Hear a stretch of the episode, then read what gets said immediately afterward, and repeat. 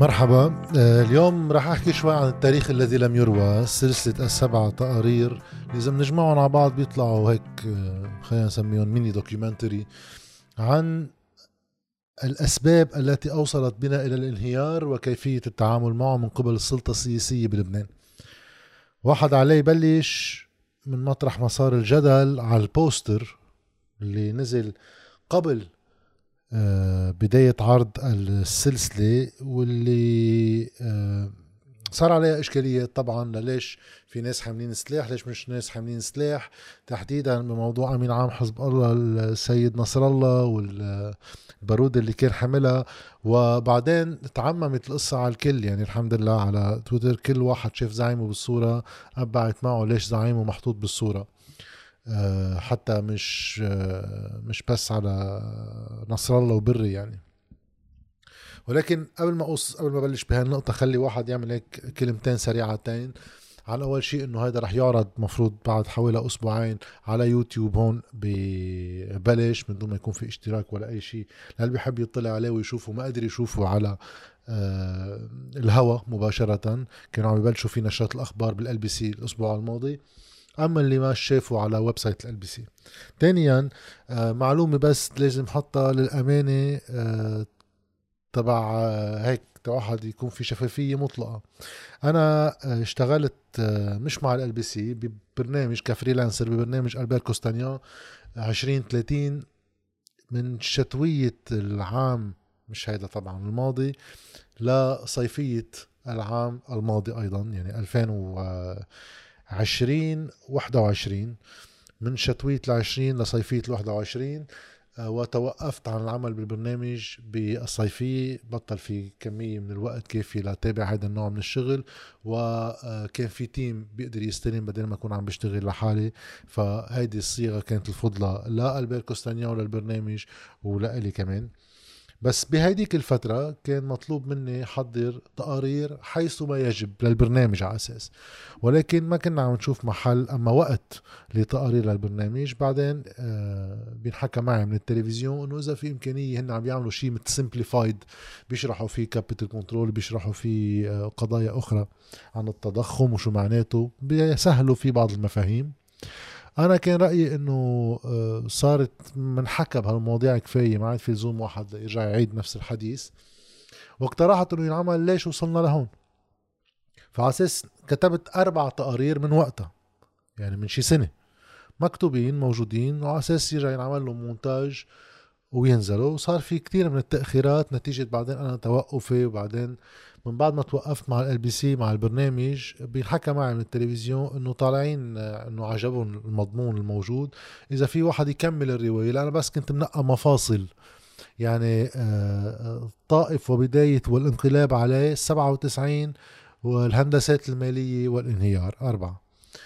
فرجعت هلأ من شي شهر ونص كتبت ثلاث أجزاء ربطتهم ببعض بصورة روائية من النقطة ألف للنقطه زد. طبعا ضمن الاختصار قد ما واحد بيقدر يحيط بأسباب وظروف للأزمة. وانعمل آه، على شكل سلسلة بتبلش فيه نشرة الأخبار. لقاء هذا العمل بما أنه أنا آه، كان مفروض يكون شوي جزء من شغلي بأول فترة بس بعدين رجعت اشتغلت شيء زيادة عليه. أنا لم أتقاضى عليه ولا دولار ولا قرش غير اللي كنت أقبضهم بشغلي للبرنامج بالست أشهر اللي اشتغلت فيه ببرنامج 2030 ولكن على هيدا الشغل تحديدا ولا شيء. الاتفاق كان مع ال LBC إنه من بعد ما ينعرض على الهواء برجع بنزله على يوتيوب فقط لا غير. هذه للشفافيه المطلقة. وطبعا بال LBC عم بيسمعوا هذا الفيديو فيهم يكذبوني وفي حيلا حدا معني بالموضوع يكذبني إذا في أي شيء غلط واجزم ما في شيء غلط. طيب هيدا اولا. ثانيا ال poster نفسه. أنا بقدر أقول بكل أمانة إنه إيه أنا شخصيا ما بحب النسق شو بسموه آه، تشويقي أما sensational بالشغل السياسي لأنه في حساسيات كثيره بالبلد ولو واحد ما في مضمون عم بيقدر يحكي بفهم يعوض منه ببعض التشويق كان يسمى بدعاية نص ال 1500 لزياد رحباني إنه منعا للتشويق الرخيص. إيه أنا في شيء من التشويق ما بحبه. هذا ال poster اشتغل من من ال LBC بتصور كانت الفكرة إنه آه، ينعمل هيك طابع درامي للشخصيات شوي شي من الحرب وشي من برات الحرب. إيه لم تكن موفقة باختيار الخلطة. هلا سمير جعجع صورته هو وليد جملاط من الحرب مع نبيه بري. آه، ولكن واحد حامل سلاح واحد مش حامل سلاح. أما المشكلة الأكبر كانت بالنسبة لي السلاح اللي حامله نصر الله تحديدا هالسلاح اللي حامله. يعني لو حاطين له صورة تانية حامل فيها سلاح ما في مشكل. أوكي بفهم الانتقادات تصير بعدين. ليش في طائفه حامله سلاح وطائفه مش حامله سلاح للي بيتابعني وللي بيعرف المنطق اللي أنا بحكي فيه. السلاح بلبنان كل الأطراف حملته بدرجات متفاوتة. طبعا حزب الله من دون منازع الطرف الأكبر اللي حامل سلاح ولكن بكل الأحداث اللبنانية اللي شفناها من 2005 لليوم كل الأطراف حامله سلاح بدرجات متفاوتة. في ناس شبه معزولة من أي حمل سلاح بيقدروا يعملوا شوية شغب وفي ناس قادرين يسكروا مناطقهم في ناس قادرين يسكروا أكثر من مناطقهم. فالقصة لا تنحصر بقصة طائفة أه ولكن السلاح اللي حامل نصر الله هو سلاح غنيمة إسرائيلية. له غير معنى هو بغير نوع من الصراع وهيدا انتقاد أنا كتير بتقبله وما في إلا ما وافق على منطلقاته لأنه ما بينوضع بالتوازي بالسلاح اللي كان عم يتقاتلوا فيه الناس داخليا والسلاح اللي عم يتقاتل فيه أه تجاه العدو. ولكن حمل السلاح يعني ريالات معممة على الأغلبية كل واحد بتصور. أغلبهم على القليله مش كلهم لا. في منهم أصغر بالعمر وفي منهم إجوا بعد الحرب وفي منهم شغلتهم مش سلاح ولكن الأغلبية بشكل عام حملوا سلاح بأشكال مختلفة وشرعيات مختلفة. مش هون الإشكالية. إشكالية أنا كنت أفضل صورة تكون آه، أقل تشويقا. مع إنه يمكن بتأثر على نسب المشاهدة ما بعرف. بس آه واحد بيتكل بعدين اهتمام الناس بمضمون الشغل. هاي واحد. كان لازم يمكن تابع البوستر. يمكن كان لازم للأسف كمية الأشغال اللي عم جرب أنا لاحقها ما عم بتخليني اتابع كل تفصيل بتفصيله. أكيد أشرفت على كل الشغل بمضمونه. التقارير السبعة. من النص للصور المستخدمة للمونتاج لكل شيء. ولكن البوسترات كلهم في شيء سبعة ثمان بوسترات نزلوهم للإعلان عن هذا الموضوع. كلها أنا ما كنت متابعها. ولكن الإشكالية هيك صارت بعدين تزيد إنه الانتقادات صارت هيك. قبل هذا كله على ال poster صار يجي إنه عم تشتغل شيء عن الحرب الأهلية وكيف بتفوت فلان يا أخيي okay باستثناء الانتقاد على شكل الصورة ومعانيها وتفسيراتها اللي بفهمه على راسي وعيني. يبلش واحد يقدر شو في مضمون الشغل اللي بده ينزل وانتقد سلفا عليه. okay خلص هيدا المنطق اللي هو هيك شيء منه بصير قبلي. آه، ما له إلا إنه واحد بده يدافع عن معلمه. okay يعني إنه صارت رفيق الحريري ليش محطوط بالصورة؟ يا خيي عم نحكي عن كل فترة ما بعد الحرب والانهيار المالي. أساسات دعائم هيدا المشروع من عند رفيق الحريري. شو بنعمل؟ بعدين صار في ليش سعد الحريري؟ ما كفى بنفس القصة. بعدين صار في ليش في ميشيل عون وجبران باسيل؟ من سنة 2005 وبالجاي عودة المسيحيين إلى السلطة كانت بقبولهم بالاشتراك بالنظام القائم كما هو. وهذا اللي حاولت ظهره بالتقارير إنه النمط المالي لعمل هيدي الجمهورية استمر كما هو. من خلال تثبيت سعر الصرف والاتكال على الاستيراد والاتكال على الاستهلاك بالدين واستمرار بعملية التحاصص التوظيف القانوني وغير القانوني عبر الدين هذا الشيء استمر من 2015 لا سبعة لا أكثر من 17 تشرين. واحد بده يحكي لحدية ما انهارت قدرة الدولة عن التمويل لأي توظيف إضافي واللي استمر خلينا نقول لحكومة حسان دياب. هذا استمر معه كلهم إضافة إلى اشتراكهم بنسب متفاوتة إيه في واحد فوت 50 واحد بإدارة معينة بقبيل واحد فوت 100 الفكرة أنه الكل تحاصص بهيدي الدولة كما كان النسق من التسعين لل 2005 هذا كله اشترك فيه. يعني واحد بحب إنه سمير جعجع ينقال عنه اشترك ولا ما بحب هذا الموضوع بيرجع له. أما إنه يكون بالوقائع هو اشترك. وهذا حطينا كريدية عم بيحكي عن أوجيرو تحديدا وفرجينا قصة تفاهم مع راب وشو مذكور فيه بين التيارات بين الحرب والقوات. حركة أمل بينزعجوا إنه بري محطوط بالصورة. شو بدي أعمل لهم؟ نبيه بري حاطط حاله بالصورة السياسية بلبنان من 30 سنة. من الاشتراك ب الانقلاب على الطائف بداية والترويكا اللي حكمت البلد بأول خمس ست سنين من فترة آه، مجيء رفيق الحريري على البلد كرئيس حكومة لحدية اشتراكه بكل ما تلا من صندوق الجنوب للتوظيفات للتلزيمات لكل الحكومات. يعني اللي يعني كم تمديد في لرياض سلامه من 92 لليوم؟ ماشي الحال. الكل كان قاعد على طاولة مجلس وزراء والكل كان مشارك بهالسياسات وليد جملات شرحه. مين بدكم بعد؟ في مدري مين حكي إنه ليش أمين جميل بس بالصورة. ذكرناه لأمين جميل بمطرحين ثلاثة بقلب التقارير اللي بشوف مضمونه بس إيه البيت الجميل يعني بعد ما إنه ما صار عندهم مراجعة بعد فينا نسميهم بيت في واحد يقرر يغير مساره.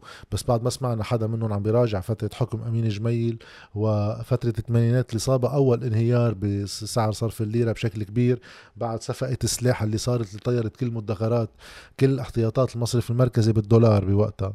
تنجيب الطيارات اللي شفنا إنه ما طلع من أمرها شيء بقضيه الدفاع عن البلد. ولكن انذكر بس إيه أوكي ما نحط بالصورة لأنه أدوارهم أقل.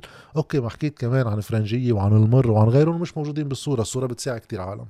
فبتصور حكينا بما يكفي عن موضوع الصورة. آه بمضمون هيدي التقارير السبعة. عم نحكي كنك عن اتفاق الطائف وظروف السياسية اللي سمحت بنجاحه على عكس الاتفاقيات التي سبقته اللي كانت كتير مشابهة له من حيث المضمون ولكن الظروف الإقليمية والدولية ما سمحت بنجاحهم.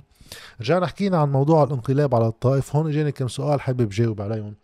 بقصة إنه طيب ليش إذا سنة التسعين تسعة وثمانين وقتها انعمل الطائف باتفاق أمريكي سعودي سوري أوكل السوري بالملف اللبناني. ليش بعد سنة ونص بدهم يتمكنوا اطراف محلية بالنجاح بالانقلاب عليه؟ إذا ما في ظروف خارجية عم بتساعد بهذا الأمر. الموضوع لا الموضوع هو إنه الظروف الخارجية هي اللي ساهمت بالأمر. حاولت أشير لها ما بعرف إذا الربط كان واضح. بين ما توقع الطائف بتشرين ال 89 وانتهاء الحرب فعليا بنهايات سنة التسعين حتى بعد 13 تشرين واجتياح بعبدة. كان بعد في نهاية الحرب بين حركة أمل وحزب الله انتهت بعد حوالي شهر من 13 تشرين. بهيدي الفترة السنة اللي انتهى فيها الاقتتال فعليا تغير الوضع اقليميا ودوليا. شو اللي صار بهيدي الفترة؟ كان متوقع ولكن صار بسرعة وصارت تطورات كبيرة. اولا انهيار جدار برلين بآب 1990 اجتياح العراق. لا انهيار جدار برلين عفوا بعد بشهر من بتشرين الثاني 1989 ورجع اجتياح العراق بآب التسعين. بهيدا العملية وبعدين رجع انهار الاتحاد السوفيتي رسميا بال 91 ولكن فعليا كنا فتنا من وقت انهيار جدار برلين أوروبا الشرقية انفتحت على واقع تاني وصار معروف إنه الحرب الباردة كصراع بين أمريكا والاتحاد السوفيتي رحنا على محل تاني وصرنا بنظام دولة أحادية القطب بإدارة أمريكية واضحة. هون أنا بستشهد بالرئيس حسين الحسيني اللي هو خبرني إلي هيدي الخبرية وراح أرويها انطلاقا من هالمعطيات اللي صارت بهالفترة. كان معتبر باتفاق الطائف إنه التسوية السياسية هي وين؟ هي إنه الإسرائيلي بينسحب على حدود نذكر كان في احتلال لجنوب وفي شريط حدودي مفروض يروح على الجنوب يليه انسحاب سوريا على سوريا وإقرار إنه السلم ما تتحقق بهذا البلد هو رح يكون مدخل لمباحثات السلام في المنطقة فمشان هيك الطائف بيذكر بالوثائق تبع وثيقة الوفاق الوطني انسحاب سوريا بسنة 92 للبقاع ومن بعدها لسوريا على أساس في مهل زمنية محطوطة لأي متى إسرائيل بتنسحب وبناء على الانسحاب الإسرائيلي بتنسحب سوريا وبصير لبنان بحالة مستقلة وبتكون بالفترة هيدي بإدارة سورية لإدارة فترة الانتقالية. ما هو الطائف كله دستور انتقالي. عم يجي يقول إنه هيدا دستور بيخلق مجلس في مناصفة بين المسيحيين والمسلمين وكذا لتعيين هيئة لإلغاء الطائفية السياسية. بتقدم بعد أول انتخابات على أساس طائفي كل المشاريع القوانين ليتحول ليصير في إلغاء للطائفية ونروح على نظام آخر. هذا هو كان الطائف كان المفروض يكون نظام انتقالي بتحديدا آه، شرعية السلطة ووضعية الطوائف فيها. اللي صار آه، ونستشهد بالرئيس حسين الحسيني يطول بعمره آه، بيروحوا بيصير في بسنة التسعين بحوالي الصيفية بيصير هون كان صارت اجتياح العراق في تأخير بتطبيق المندرجات الانسحاب من الجهة الجنوبية تنسحب إسرائيل. فكان في لهم زيارة على أمريكا لأمم متحدة وكان في اجتماع لمجلس الأمن. وبيلتقوا بالمندوب البريطاني بمجلس الأمن وبيسألوه وعم يحتجوا على تأخير انسحاب إسرائيل آه، على تأخر انسحاب إسرائيل للحدود. وطالبوا مجلس الأمن بموقف فكان الجواب إنه أنتم بتعرفوا إنه هذا الأمر صار باتفاق رعايته أمريكية عندكم فأنتم اليوم رح تشوفوا الرئيس الأمريكي جورج بوش تحدثوا معه بهذا الموضوع نحن إذا بيجينا موافقة آه، أمريكية على أي آه، قرار من مجلس الأمن نحن بنصوت معه ما عندنا مشكل ولكن حديثكم مش معنا معهم. بيرجع بيصير في لقاء مع الرئيس الأمريكي جورج بوش الأب بوقتها و بحطوهم بجو الإدارة الأمريكية بتحطهم بجو إنه هلأ بدنا نتريث شوي بالانسحاب الإسرائيلي من الجنوب لأنه تغيرت الأولويات بعد اجتياح العراق. وخلينا إذا بننطر بنأخر الانسحاب لأنه بدها تروح المنطقة كلها على سلام. مش بس لبنان ما بدنا إسرائيل تنسحب من محل وما تنسحب من محل تاني. وهيدا كان بداية التحضير لمؤتمر مدريد. كان في امتعاض من الوفد اللبناني على قصة إنه أنتم عم تفتحوا انسحاب إسرائيل من بلد محتلته لحل إقليمي ما رح يجي. كان في إصرار إنه بلا بيجي. وهونيك بعدين فات مسار تأخر انسحاب إسرائيل ربطا بمؤتمر مدريد اللي فشل. للسلام اللي حضرته القيادة السورية والقيادة اللبنانية بحضور إسرائيلي. وحطينا الصور يعني كان من عندنا نحن وزير الخارجية فارس بويز وكان في إسحاق شمير رئيس وزراء إسرائيل موجود بالاجتماع ومن الجهة السورية أيضا. ما هون حضر حافظ الأسد ولا بعدين. فكان الوضع مفتوح على مفاوضات سلام بدها تصير بالمنطقة. وهيدا الشيء اللي بحجته وقف التعهد بانسحاب إسرائيل وساعتها بحجة عدم انسحاب إسرائيل وقف المسار اللي المفروض يؤدي لانسحاب سوريا وهون صار هذا باتفاق دولي يعني مش إنه هون فلتت يد سوريا بلبنان أكثر ولكن بما إنه صار في فترة طويلة للوجود السوري بلبنان فاتت الإدارة المحلية للقيادات السورية بالواقع اللبناني. وهون استفاد الفريق اللي هو مش قصة إنه مرحلة انتقالية وانسحاب بانسحاب وتحويل بشكل النظام لروح على محل تاني. لا تكريس أنا برأيي الشخصي الاتفاق الثلاثي كهو اللي انهى الحرب. شو بدكم بالطائف إنه مرحلة انتقالية بنروح على دولة؟ لا اتفاق ثلاث ميليشيات الأساسية بالحرب اللي على فكرة كمان كان حاضر الاجتماع هذا الاتفاق الثلاثي بسوريا بال 85 كان حاضره ميشيل المر وكان حاضره رفيق الحريري. لأنه كانت بوقتها الشيء اللي بده يخلي يلزق التركيبة الميليشياويه على بعضها واقع مالي بده يؤدي لتمويل هو ثلاثة. من هون كان مدخل رفيق الحريري على اللعبة السياسيه بلبنان لإدارة الواقع المالي بلبنان. مشان هيك وقت صار الانقلاب على الطائف بالانتخابات مبكرة ب 92 دخول رفيق الحريري اجى مباشرة يفوت على قصة تركيب الواقع المالي للجمهورية اللبنانية بعد الحرب وهو اللي قال اشترينا السلم الأهلي بالدين يعني مولنا الميليشيات اللي يعني زعماء الميليشيات تيخليهم يقبلوا يشاركوا بالسلطة ويسكروا تمون. مولنا السلم الأهلي بالدين اضطرينا نتدين ونوزع عليهم ليقبلوا يفوتوا بالتركيبه والوقائع اللي بيرويها القيادات السياسية والأمنية اللي كانت مرافقة آه، فترة ال 89 ل 92 93 بتخبر كل الإشكاليات اللي كانت عم بتصير بقبول زعماء الميليشيات بجمهورية الطائف السلام السلم الأهلي. بشروط منا إنه كل موظفينا كل العسكر اللي عنا يوم ميليشياتنا بدكم تفوتون على أجهزة الدولة بالرتب اللي نحن عاطينهم إياها بالميليشيا. عنا واحد ضابط بهالفئة بتفوتوه بنفس المعاش على الدولة. ومنا بالحصص اللي بدها تصير وزارة بالوزارات ولكن أيضا بالتلزيمات وكل واحد بمنطقته ما حدا بيتعاطى مع التاني فيها. وفكرة وزارة مهجرين وصندوق جنوب وغيرها هي لكل واحد يصير في عنده مصدر مادي لإدارة منطقته. وهيدا الشيء كان في تمنع كتير كبير لتسليم أسلحتهم بانتظار ضمانات تاخدهم على المحل واللي معه يصرف خمسة دولار. آه في يفوت على website ال LBC أنا شفتهم بالأرشيف تبعهم.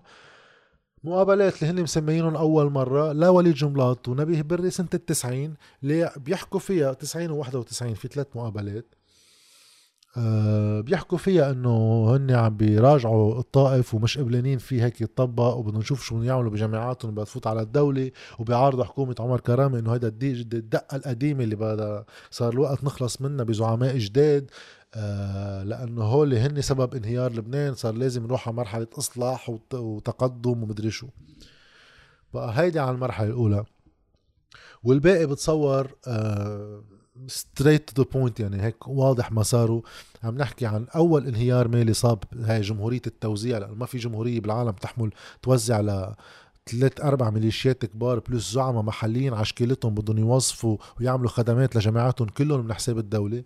فنط الدين ضرب 11 12 مرة بظرف أربع سنين. خلصوا الدولارات بال 97 قامت القيامه بدأت الاستدانة بالدولار للتغطية على الموضوع بدل معالجة إشكالية الدين. كسبب ليش وصلنا لهون؟ لأنه كان في مشروع مراهنة على لبنان يتحول الهب المالي للمنطقة بشكل بيشبه شو صارت عليه دبي بس شرطه إنه يصير في سلام مع إسرائيل وهذا كان المسار اللي شغال حكينا بمؤتمر مدريد. فينا نحكي عن أوسلو والجو الإقليمي كله اللي كان بيروح انه أكيد في سلام بهذيك الفترة. لحديه اغتيال إسحاق رابين آه، مسجد شيمون بيريز حرب على نقيض الغضب بيرجع بيجي نتنياهو بيصير الواقع بعد أسوأ على حدود غير إنه في كتير من هيديك الفترة عايشوها كان أساسا مشككين بكل مسار السلام إنه بيصير بهيدي الطريقة وبهيدي البساطة. آه، ولكن كان في رهان على هيدا الشيء مش هيك صار في إسراف ببناء بنى تحتية كتير مركزية بقلب بيروت على حساب بقية البلد لأنه كان أهم شيء إنه نقدر نأمن مطار قريب على وسط يكون مزدهر وقت يصير هيدا الهب المالي منطلق من وسط العاصمة. فرط المشروع كله صار في عنا عاصمة تم الاستيلاء عليها فعليا عبر شركة سوليدار اللي يعني آه، استملكت ممتلكات الناس مش لمصلحة عامة لمصلحة خاصة وطلعت أرباح هائلة. من دون ما يثمر هالمشروع الهب المالي التجاري الإقليمي اللي كان بدهم إياه صار في وسط عاصمة مرفه كتير ومكلف كتير ولكن فاضي من السكان ودولة مليانة على المديونية عليها وصلت لحوالي 18 19 مليار دولار دين اللي هو تقريبا مرتين قد حجم الاقتصاد بهديك الفترة.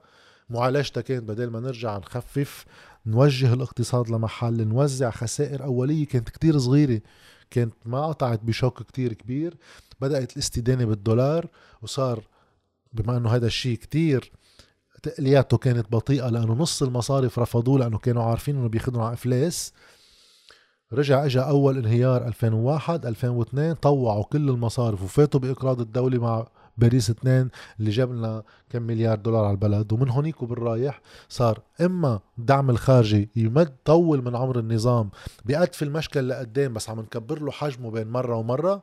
توصل على حجم يصير في 90 مليار دولار دين ومصرف لبنان مراكم عليه خسائر بشي 60 مليار دولار ما معه ولا دولار منهم ومصارف 104 مليار دولار ما معه ولا دولار منهم.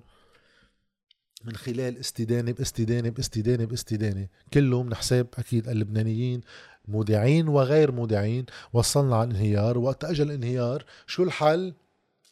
بعدين ما كانوا يستبقوا الانهيار بخطوات اجى الانهيار بلشوا ما حدا بده ياخذ ولا أي قرار لمعالجة الأزمة لأنه القرار بما أنه السلطة هي عايشة على توزيع المنافع تيقدروا ياخذوا ولاء الناس. هلأ إذا نروح على توزيع خسائر ما بتعمل لنا شيء إلا بتفجر لنا أبنيتنا الحزبية لأنه بصير بدنا نقول له لفلان أنت بدك تتحمل خسارة وأنت بدك تتحمل خسارة. وهيدي ما بيقدروا يعملوها بما إنه البنية توزيعية تبع النظام. شو أفضل شيء نعمله؟ نوكلها لرياض سلامة هو يدير الواقع المالي بتحميل الناس الخسائر. ومن ميلتنا نحن بالسلطة شو بنعمل؟ بنقعد نعمل مسرحية قوانين إصلاحية بالمجلس. قال هيدي هيئة مكافحة الفساد وقانون مكافحة الأموال هذا استعادة الأموال المنهوبة. وكأنه عملوهم الناس إنه عم يصير في حملة إصلاحية إنه عم نعمل قوانين بتمنع السرقة والفساد. كأنه بلبنان القوانين كانت تسمح السرقة والفساد. مش بس بتمنع السرقة والفساد. هيدي استعادة الأموال المنهوبة منصوص عليها بالقانون اللبناني. أي وزير مش بس إذا اختلس.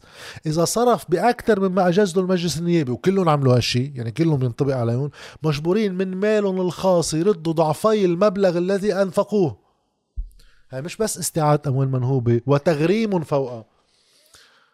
نعمل كأنه هم بنعرف فيهم شيء نحن ونقصنا كم قانون وبنعمل هيدا التجليطات تبع اللجان النيابية تبع الإدارة والعدل وهيدي استقلالية القضاء التجليط اللي ما في شيء منه عكسه عم يعملوا. والمال والموازنة والقوانين الإصلاحية وتجليط عم يعملوا. بيروحوا بيصيروا قال يكروا موازنات ولا وحدة منهم تحترم أرقامها بوقت قطعات الحساب تنعرف إذا وقتها عم يلتزموا بموازنة. عم بيصرفوا قد ما عم يلتزموا ولا لا؟ واقفة من سنة 93 قولوا واقفة. بس الحسابات تنرجع نقلع فيهم منجزة من أربع سنين سنين وما حدا بيعمل فيها شيء ومنجلط على الناس وبهالوقت قانون capital control ما منقر. كل شيء في قوانين بلا طعمة ما بتطبق أما في لها مثيل منا ما عم بيتطبق أصلا بلبنان نقعد نعمل هالعرضات بالمجلس. والقوانين البديهية لنحمي ما تبقى من دولارات هون ما بنعملها. فاختصار آه، كتير ل هيدي التقارير اللي بدعيكم للي ما شافها ترجع يشوفها إما على website حاليا إما بعد حوالي أسبوعين على هيدي الصفحة. وبنطر أسئلتكم تحت آه، بركي واحد بيقدر يجاوب عليها إذا في بعض الأسئلة بخصوص هيدي التقارير وشكرا